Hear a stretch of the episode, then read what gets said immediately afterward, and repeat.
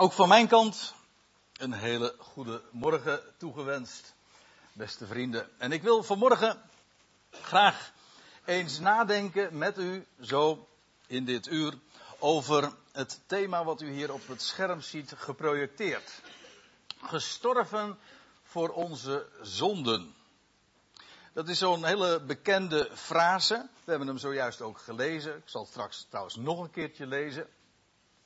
Maar het is een van die uitdrukkingen die misschien heel erg bekend voorkomen voor degenen die in deze samenkomsten komen of in het algemeen als u grootgebracht bent bij de Bijbel. Maar zoals je dat zo vaak hebt met die uitdrukkingen die vaak gebruikt worden, die kunnen versleten zijn. Zodat je feitelijk niet echt meer begrijpt of verstaat wat nu eigenlijk de betekenis daarvan is. Wat betekent dat nou eigenlijk? Gestorven voor onze zonden. Ik herinner me dat ik een, dat ik, het is alweer een aantal jaren geleden, dat ik een gesprek had met een collega. En die had zelf een, een rooms-katholieke achtergrond en hij had er helemaal afstand van genomen. En toen had hij het ook nog, dat weet ik nog erg goed, over, over deze uitdrukking. Hij zegt, dan zeggen ze van, dan had hij het over de christenen. Hij zegt, dan zeggen ze van dat Jezus is gestorven voor onze zonde. Hij zegt, ik begrijp daar helemaal niks van. Als die nou zei, als ze nou zouden zeggen van Jezus is gestorven door onze zonde, dan begrijp ik dat. Ik bedoel, het was een misdaad dat ze Jezus ooit aan het kruis brachten. Dus dan waren het de misdaden, de zonden van de mensen die hem deden sterven. Dan, is, dan stierf hij door onze zonde. Maar gestorven voor onze zonde, daar, nee. Daar begrijp je helemaal niks van. Toch en dat moeten we eerst eens even vaststellen, is het een uitdrukking die heel fundamenteel is. Voor Paulus in elk geval, want we hebben zojuist al gelezen, en ik wil u er nog eens op wijzen, dat er staat in dat hoofdstuk 1 Korinthe 15, vers 3. Want dat schrijft hij dus aan de Corinthiërs, om ook aan te geven van waar het nu allemaal om begonnen is. Het ABC van de boodschap die hij bracht in de heidenwereld. Dan zegt hij, voor alle dingen, dus voordat ik ook nog maar andere dingen aan jullie heb verteld, voor alle dingen heb ik u overgegeven, hetgeen ik zelf ook ontvangen heb. En dan zegt hij, als eerste, Christus is gestorven voor onze zonde, naar de schriften. En dan staat er nog achteraan, en, want je moet dat als één geheel lezen, en hij is begraven en ten derde dagen opgewekt naar de schriften. Dan volgt er nog veel meer, maar feitelijk is dit met recht het A, B, C van het evangelie. A, Christus is gestorven voor onze zonden, naar de schriften. Hij is begraven, B. En C, hij is opgewekt naar de schriften ten derde dagen. En dat is het evangelie de blijde boodschap, het goede bericht, of hoe je het maar zeggen wil, het beste nieuws, in één, ja, in, in, een nutshell zeggen ze dan, in een notendop. Kijk, wat, om nog eventjes terug te komen op die uitdrukking. Christus is gestorven voor onze zonde. Hoe wordt dat meestal uitgelegd? Meestal en ik, weet haast wel zeker dat als ik dat hier zo zou vragen, ik doe dat nu niet, ik ga niemand voor het blok zetten, dat wil ik u niet aandoen. Maar ik zou, als ik dat zo navragen, en ik heb het voor mezelf ook wel eens een keertje uitgetest, en ik, ik begrijp het, ik heb zelf namelijk ook die christelijke achtergrond, ik ben er ook zo mee groot geworden. Als je dan vraagt van, ja, wat betekent dat? Christus is gestorven voor onze zonde, dan krijg je te horen, ja, Christus stierf om ons te verlossen van de straf op de zonde. Wij hadden een schuld, die konden we zelf niet betalen. God moest straffen, want hij is rechtvaardig. En om die straf te dragen, is Christus gestorven. Hij heeft onze straf, die wij verdiend hadden, heeft hij gedragen. En dat betekent die uitdrukking, hij is gestorven voor onze zonde. Hij stierf dus om, de straf, om ons te verlossen van de straf op de zonde. En toch ga ik u vanmorgen uitleggen dat dat niet de betekenis is. Het is sowieso, ik ga u eigenlijk want dat lijkt me niet de snelste manier om iets duidelijk te maken. Ik ga u niet uitleggen waarom dit niet klopt. Want ik zal u vertellen dat aan deze uitleg sowieso al een aantal haken en ogen uh, zitten. En dat kan ik niet zo 1, 2, 3 vertellen, maar het hele idee dat, dat God straf of toornig was of moest straffen en dat, dat Christus dat plaatsvervangend gedragen heeft, dat kunt u niet terugvinden in de Bijbel. Het is ook niet zo dat, dat, dat, dat God iets, een, een, een plaatsvervanger zocht of een, een bliksemafleider die zeg maar ons zou verlossen van de zonde of van de straf op de zonde. Nee, dat is het idee helemaal niet. Ik ga u vanmorgen vertellen dat die uitdrukking Christus is gestorven voor onze zonde betekent, hij stierf om ons te verlossen, niet van de straf op de zonde, maar om ons te verlossen van de zonde zelf. Dat is iets heel anders. Nou, dat wil ik u zo ook in, in een, in een, met met de illustratie van een aantal schriftplaatsen laten zien. Laten we beginnen eens bij het begin. Met recht het begin van het Nieuwe Testament. Er staat in Matthäus 1, als aan Jozef wordt duidelijk gemaakt dat zijn verloofde zwanger is. En dan, dan wordt er gezegd in vers 21 door de boodschapper. Zij, dan gaat het over Maria dus, zij zal een zoon baren. En gij, Jozef, zult hem de naam Jezus geven. Jezus betekent, Yahweh, de Heere, is redder. En dan staat erachter waarom hij die naam zou ontvangen. Er staat erachter, want hij is het die zijn volk zal redden van hun zonde. Dat is een citaat trouwens uit, de, uit het boek van de Psalmen. Hij is het. Hij is degene van wie de, de schriften, de Hebreeuwse profeten al hadden gesproken, die het volk van Israël zou verlossen van hun zonde. Daarom heet hij Jezus. Niet om hen te verlossen van de straf op de zonde, of te bevrijden van de schuld. Weet u wat God daarmee doet? Ik kan, ik kan het wel heel kort zeggen. Die, die schuld hoeft niet betaald te worden. Dat lees ik nergens in de Bijbel. De schuld vergeeft God gewoon om niet. Puur uit zijn genade. Dat hoeft niet betaald te worden. Nee, er staat ook, hij zou Jezus heten om zijn volk te redden van hun zonde.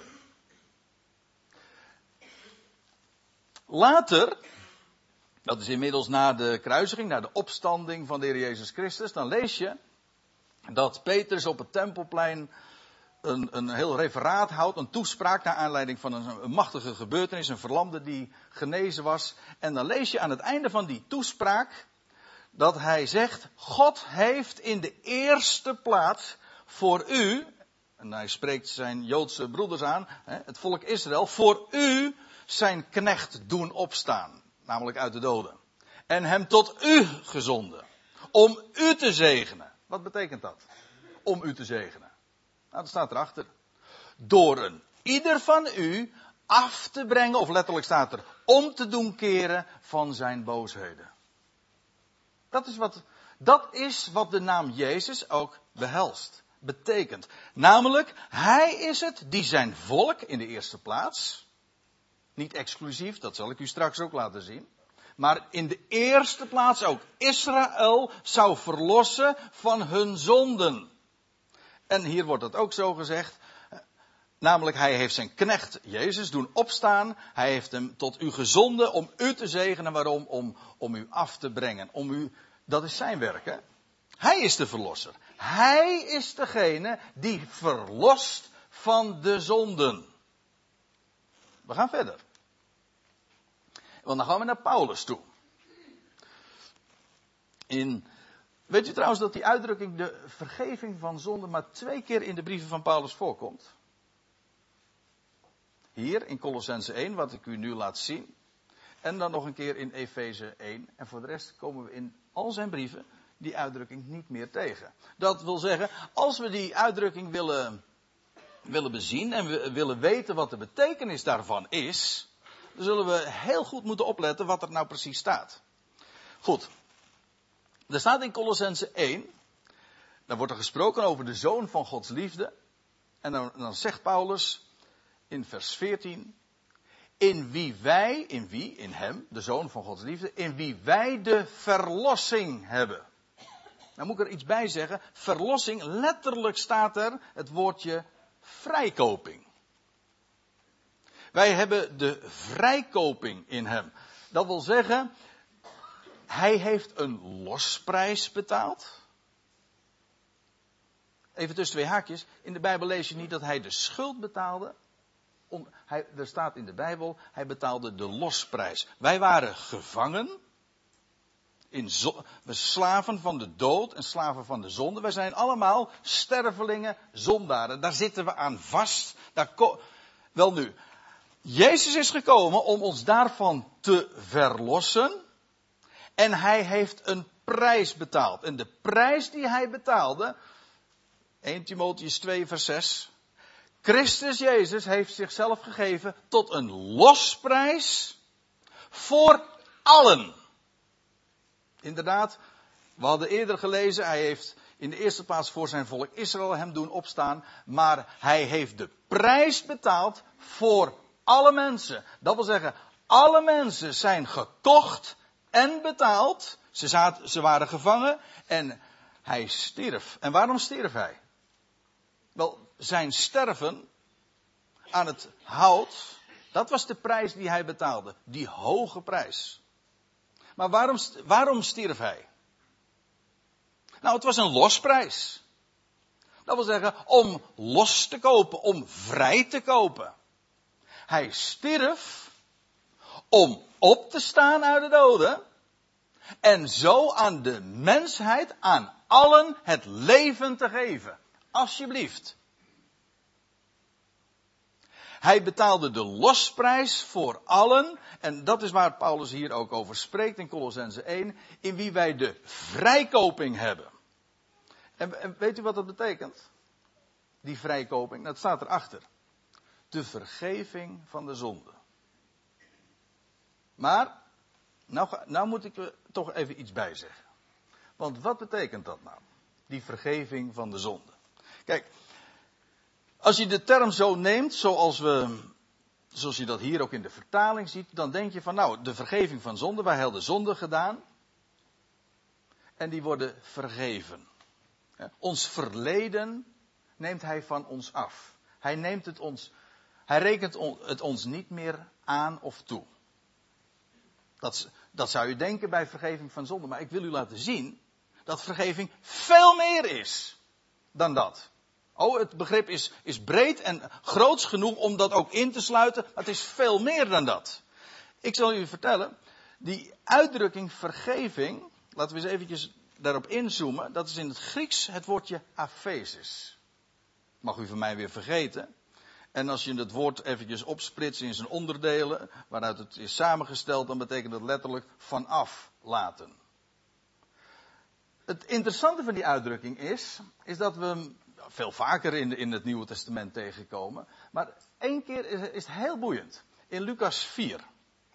En dat wil ik u ook meteen laten zien. In Lucas 4, daar, dat, dat is de geschiedenis dat Jezus in, in Nazareth komt, in zijn geboortestad. Nou nee, zo mag ik het niet zeggen. In, in de stad waarin hij opgegroeid is. In zijn vaderstad, zo moet ik het zeggen. En dan op een sabbat, dan neemt hij het woord in de synagoge. En dan leest hij uit de boekrol van Jezaja. En dan leest hij voor, de geest des Heren is op mij. Daarom, en dan lees ik even verder, om aan gevangenen loslating te verkondigen.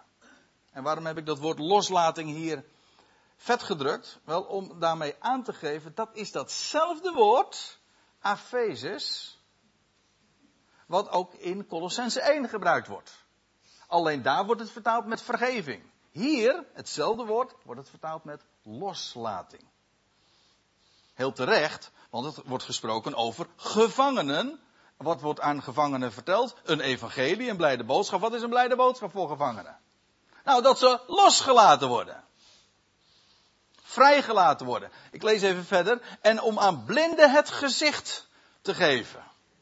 Dat is een blijde boodschap voor een blinde. Wel dat ze zullen zien.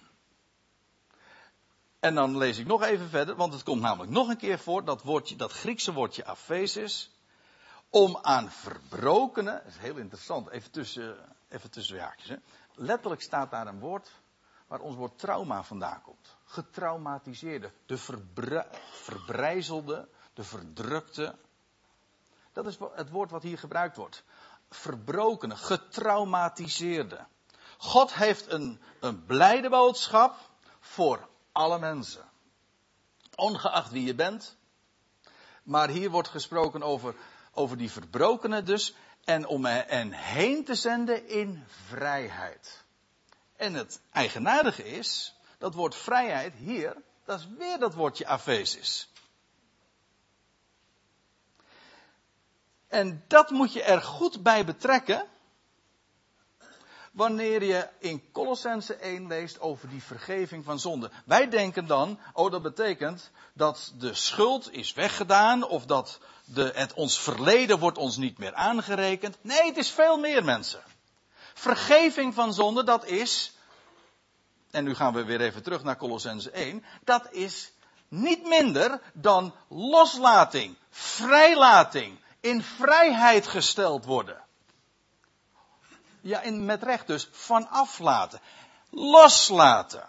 En dan begrijp je ook het hele verband, want Paulus had gezegd, in wie wij de vrijkoping hebben. Dat wil zeggen, hij betaalde de prijs, het kruis van Golgotha. Waarom? Wel, hij stierf om op te kunnen staan en om daarmee te bevrijden van de zonde en van de dood.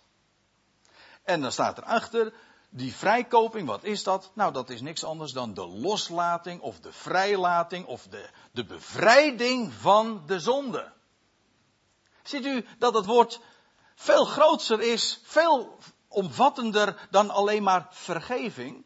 Want bij vergeving, nogmaals, denken we alleen maar aan het verleden. Alsof het verleden ons niet meer wordt aangeraakt. Nee, we worden bevrijd van de zonde. Dat is wat hij deed. En wat hij doet. Dat is wat die vrijkoping inhoudt. Goed.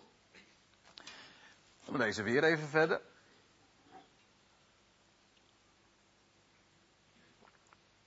Naar een ander Bijbelgedeelte. Naar Romeinen 6. Heel mooi gedeelte. Dat ook gaat over waarom Christus stierf.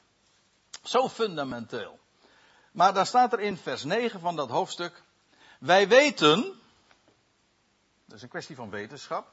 Heeft niks met voelen te maken. Wij weten dat Christus, de gezalfde, de opgestane, nu hij uit de doden is opgewekt, niet meer sterft. Dubbele punt. De dood voert geen heerschappij meer over hem. Dat wil zeggen, hij is opgestaan uit de doden. De dood ligt achter hem. En hij heeft onvergankelijk leven aan het licht gebracht. Dat wil zeggen, de dood ligt achter hem en dus is het slechts leven wat hij aan het licht bracht en wat voor hem ligt. De dood voert geen heerschappij meer over hem. Hij is eens voor altijd gestorven en nu leeft hij. Ook eens voor altijd. En dan moeten ze opletten wat er vervolgens staat. Want wat zijn dood betreft, is hij voor de zonde eens voor altijd gestorven. Hier ook weer die uitdrukking voor de zonde gestorven. Hier wordt het in het enkelvoud gebruikt omdat de zonden als een totaliteit hier gezien worden. Hij is voor de zonde eens voor altijd gestorven. Dat is finito, dat is voorbij. En wat zijn leven betreft, leeft hij voor God. Dit gaat over Christus. Hij stierf, eens voor altijd. Hij werd opgewekt uit de doden en hij leeft voor God. En nu komt de vraag, wat betekent dat voor ons? Nou, laten we het gewoon verder lezen. Paulus zegt in vers 11, zo moet het ook voor u vaststaan. Letterlijk staat daar een woord dat heeft te maken met logica. Reken ermee. Reken ermee, of ja, de MBG-vertaling geeft het eh, zo weer met, zo moet het voor u vaststaan, dat is inderdaad ook de gedachte. zo moet het ook voor u vaststaan. Dat gij wel dood zijt voor de zonde, maar levend voor God in Christus Jezus. Dat wil zeggen, hij stierf voor de zonde, maar dat betekent, hij stierf voor ons, dat wil zeggen, wij stierven met hem. Hij stierf om een nieuw leven te geven. Het oude is voorbij gegaan. Telt niet meer, wordt niet meer meegerekend. Weet u wat dat betekent? Dat betekent dat God ons volmaakt ziet in Hem. Ongeacht wat wij doen. Dat, daar kun je niks aan bijdragen met je gedrag. Je kunt er ook niks aan afdoen. Het is namelijk een feit. Zo ziet God ons in Hem. Kijk, wij, wij beoordelen elkaar, zo gaat het toch? Dat is normaal naar de mens. Wij beoordelen mensen op basis van hun verleden. Niet waar?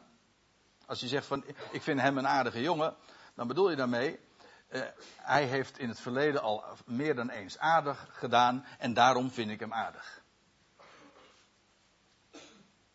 Dat geldt ook in het negatieve. Als je iemand niet leuk vindt, dan doe je dat. Je beoordeelt iemand op zijn verleden of, of haar verleden.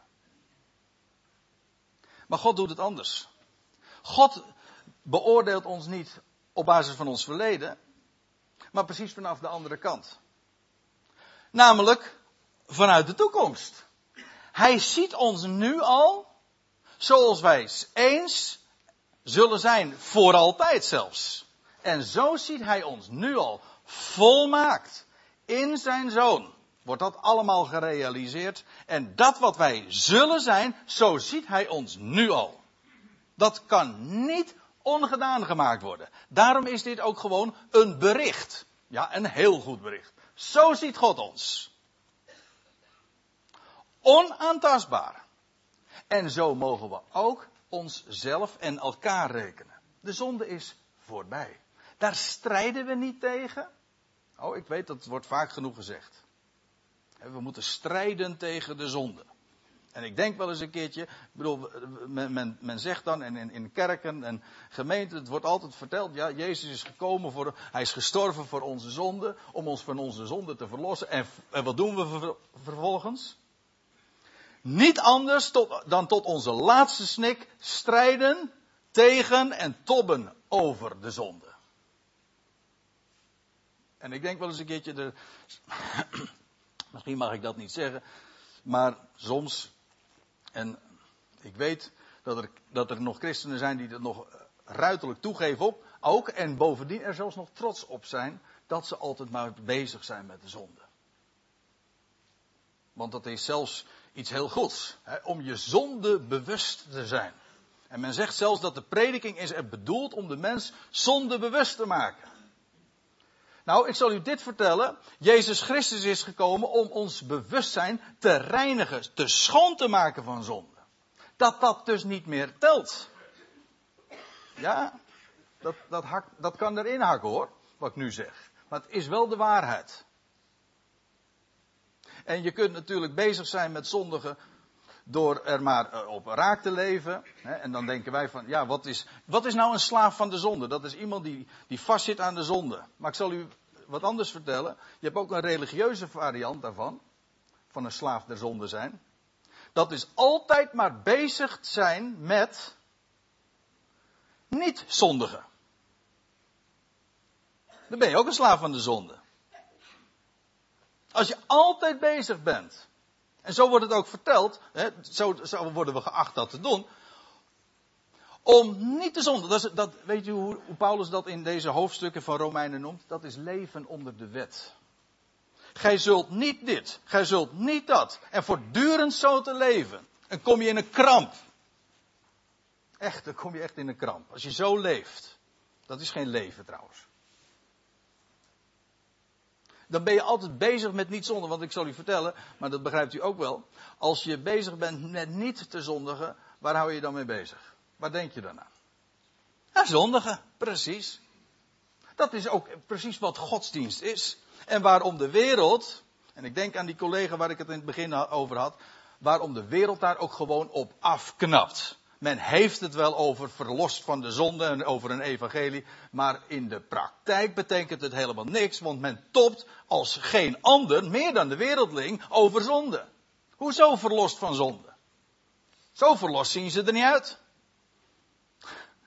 Kijk, nee, dat, dat, dat is toch, dat is eigenlijk heel krankzinnig als je erover nadenkt. Dat het, het leven, maar zelfs de prediking dikwijls, haak staat op dat wat, wat je geacht wordt te, te denken. Wat, wat, wat het ABC van het evangelie is. Hij kwam om ons te verlossen van de zonde. En vervolgens zijn we altijd maar bezig met die zonde.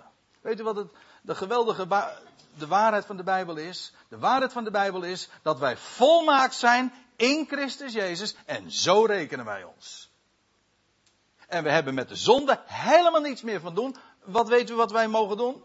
Gewoon onbekommerd leven voor Hem. Don't worry, inderdaad, be happy. Ik denk die uitdrukking komt uit de Bijbel. Ik weet het wel zeker. Nee, dat is zo. Wij leven onbekommerd voor God. Waarom? Wel omdat het grote probleem van zonde en dood overwonnen is. Dat ligt achter ons en wij leven inderdaad voor Hem.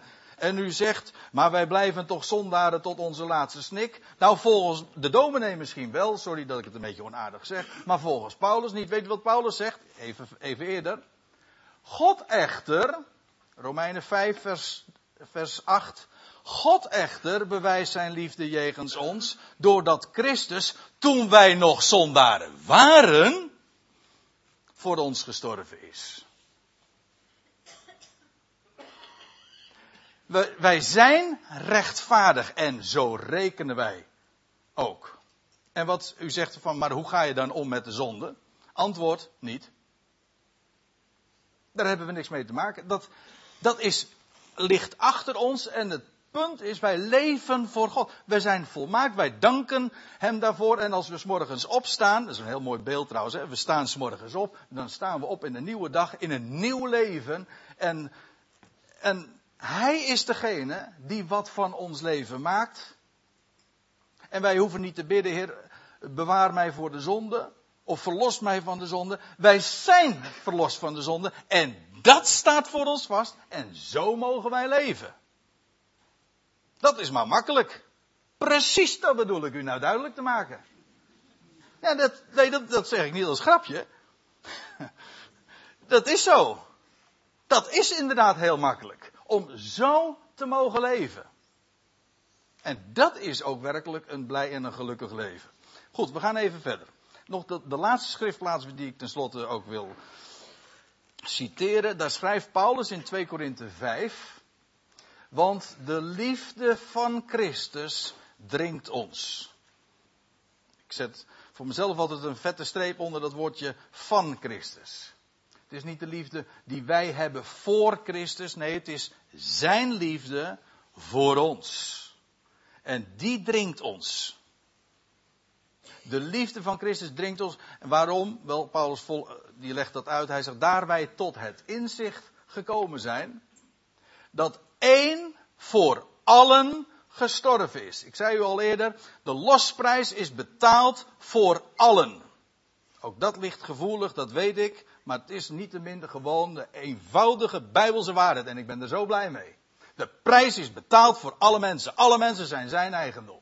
Maar let nu even op op het betoog van, van de apostel Paulus hier. Hij zegt, één is voor allen gestorven. Dus zijn allen gestorven. Dat wil zeggen, it's all included, zeggen ze de Engelsen dan. Het is al, uh, het is uh, all uh, inclusive, zo was die. Hè? Hij sluit alles en iedereen in. Hij stierf en daarmee stierf u en ik. Waarom? Wel om een compleet nieuw leven te geven. Want er staat er vervolgens in 2 Korinthe 5. En voor allen is hij gestorven opdat zij die leven, dat wil zeggen dat nieuwe leven van hem hebben ontvangen, niet meer voor zichzelf zouden leven, maar voor hem die voor hen gestorven is en opgewekt. Kijk, dat betekent bevrijding van zonden. Hij is gestorven voor onze zonden. Waarom? Opdat we niet meer zouden leven in de zon. Zonde betekent niks anders dan doelmissen. En weet u wat het doel van ons leven is? Het staat hier, het staat hier gewoon keurig door, door Paulus vermeld. Hij zegt, opdat we niet meer voor onszelf zouden leven, maar voor Hem die voor hen gestorven is en opgewekt. En dan kijken we omhoog, want Hij is het doel van ons leven. En de hele betekenis van ons leven, ik heb vanmorgen, deze week, eerder in een bijeenkomst, heb ik dat verteld, een aantal van u waren daar ook. Toen heb ik verteld over, over leven en loven. Weet u, het, het zit nog erg in mijn geheugen om, om dat nog eens eh, naar, naar voren te, te brengen. Het, het geweldige is, leven en loven, dat, dat, dat zijn twee woorden die alles met elkaar te maken hebben. Als je Hem looft, gericht bent op Hem en Hem de eer geeft, dan leef je ook werkelijk. Leven en loven, die woorden zijn eigenlijk hetzelfde, alleen de klank is anders. Wel, wij leven, wat betekent dat? Wij, wij loven Hem, wij zijn gericht op Hem, wij zijn, en zo ook mogen wij Zijn heerlijkheid in het licht stellen. Wel, dat is de bedoeling van ons leven. En met de zonde hebben we niets meer van doen. Schuld is vergeven en dat betekent wij leven onbekommerd voor Hem.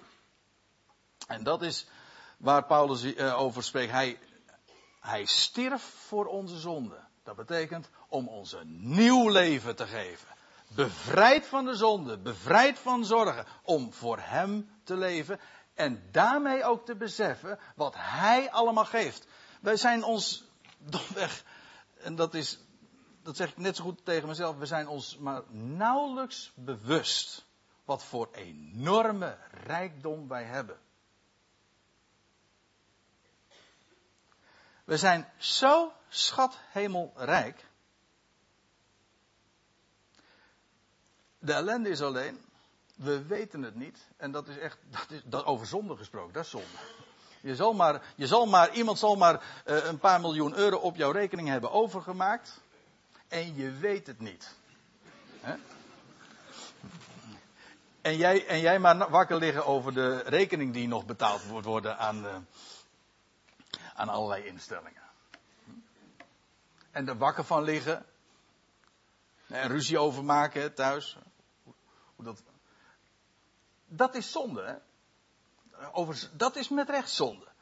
Wel nu, wij zijn zo schatrijk. Waar het om gaat is dat we ook begrijpen en gaan verstaan en ook gaan leven als schatrijke mensen. Daar spreekt Paulus over. Dat is ook een blijde boodschap. Dat, is, dat nieuwe leven, dat is niet iets voor als we straks eenmaal opgestaan zijn en een nieuw, een nieuw lichaam hebben ontvangen. Nee, dat nieuwe leven, dat is wat we nu mogen leven. Bevrijd nu al van de zonde. Nu al. De dood en de zonde liggen achter ons en we kijken omhoog en, en zo gaan we ook stralen en schitteren. Nou, nu mag ik het gaan samenvatten, doe ik altijd graag eventjes voor, om even een herkansing ook te geven aan de mensen die tot dusver niet zo goed hebben opgelet. En u wil. Want ja, als u straks dan moet gaan zeggen waar het over ging vanmorgen. Ik herinner me van een, uh, of het waar gebeurd is, weet ik niet, maar een jochie dat was naar de kerk geweest. En die kwam thuis en toen ze vroeg de moeder van, en waar, waar heeft de dominee het over gehad? En dat jochie zegt, ja, uh, over de zonde. Nou, uh, wat heeft de dominee daar dan over gezegd? Nou, hij was er op teugen. nou, dat heb ik je vanmorgen niet verteld, trouwens. Nee, dat, dat God er op teugen is. Hij bevrijdt ons ervan. Dat is andere koek. Hij is gestorven voor onze zonde. En ik heb proberen duidelijk te maken gewoon in dit plaatje. Je hebt aan de ene kant die, die neergaande lijn van zonde en dood. Wij zijn zondaren, we zijn stervelingen, we zitten daar vast. En het kruis van Golgotha maakt daar een einde aan. En vervolgens is daar die opgaande lijn. Sinds die derde dag dat hij opstond uit de doden, heeft hij dat zwarte, de zonde en de dood, achter zich. En vervolgens leven aan het licht gebracht. We zijn gerechtvaardigd in hem. En een perspectief dat zo groot is, oneindig. En weet u, dat zwarte had alleen uiteindelijk maar een functie om als achtergrond te dienen, om het licht van zijn heerlijkheid te laten schijnen. En ik hecht eraan om dat toch te zeggen, want ook van de week heb ik daar weer veel over gehoord en nu ongetwijfeld net zo. En God eh, wordt weer ter verantwoording geroepen over, ehm, over van alles en nog wat. Hoe hij dan toch zo, hoe hij deze, in deze wereld zoveel leed allemaal toelaat. Niet waar? Nou, daarover is natuurlijk genoeg te zeggen, maar laat ik u dit zeggen. Puur vanuit de Bijbel. Zonde, dood, de ijdelheid van dit bestaan heeft uiteindelijk slechts een decorfunctie. Dit is de donkere achtergrond waar tegen God juist het licht van zijn liefde en zijn heerlijkheid gaat etaleren. Weet u, dat is het laatste. Weet u waarom? Hoe wij kunnen weten, laat ik het anders zeggen, hoe wij kunnen weten dat God zo van ons houdt. We hebben het zojuist gelezen. God bewijst zijn liefde dat Christus voor ons stierf toen wij nog zondaren waren. Zo bewijst hij zijn liefde. Wij hadden nooit geweten hoeveel God van ons houdt als daar niet een, een kruis in deze wereld had gestaan. Waar iemand smartelijk stierf. Ja, maar juist daardoor kon God zijn liefde bewijzen. Wel, uiteindelijk is dat het grote antwoord ook op de vraag van, van ja, waarom nu dat lijden? Waarom de dood? Waarom al die, die verschrikkingen enzovoorts? Uiteindelijk, er is één God, mensen. En er gaat niets mis. En die God, die gaat alles veranderen. En hij laat het licht van zijn heerlijkheid stralen. Zo uitbundig, steeds groter en oneindig, onvergankelijk. En ik stel voor dat we daar ook een lied over gaan zingen. De Heer is mijn licht en zijn liefde is mijn steun. Zijn eeuwige armen waar ik veilig op leun. Het is een oud, oud lied, maar de tekst staat nog als een huis als u het mij vraagt. Hij trok me uit het duister. Zijn bloed, dat kocht mij vrij. Mijn ziel rust in Jezus. Mijn redder is Hij. En wat verder volgt.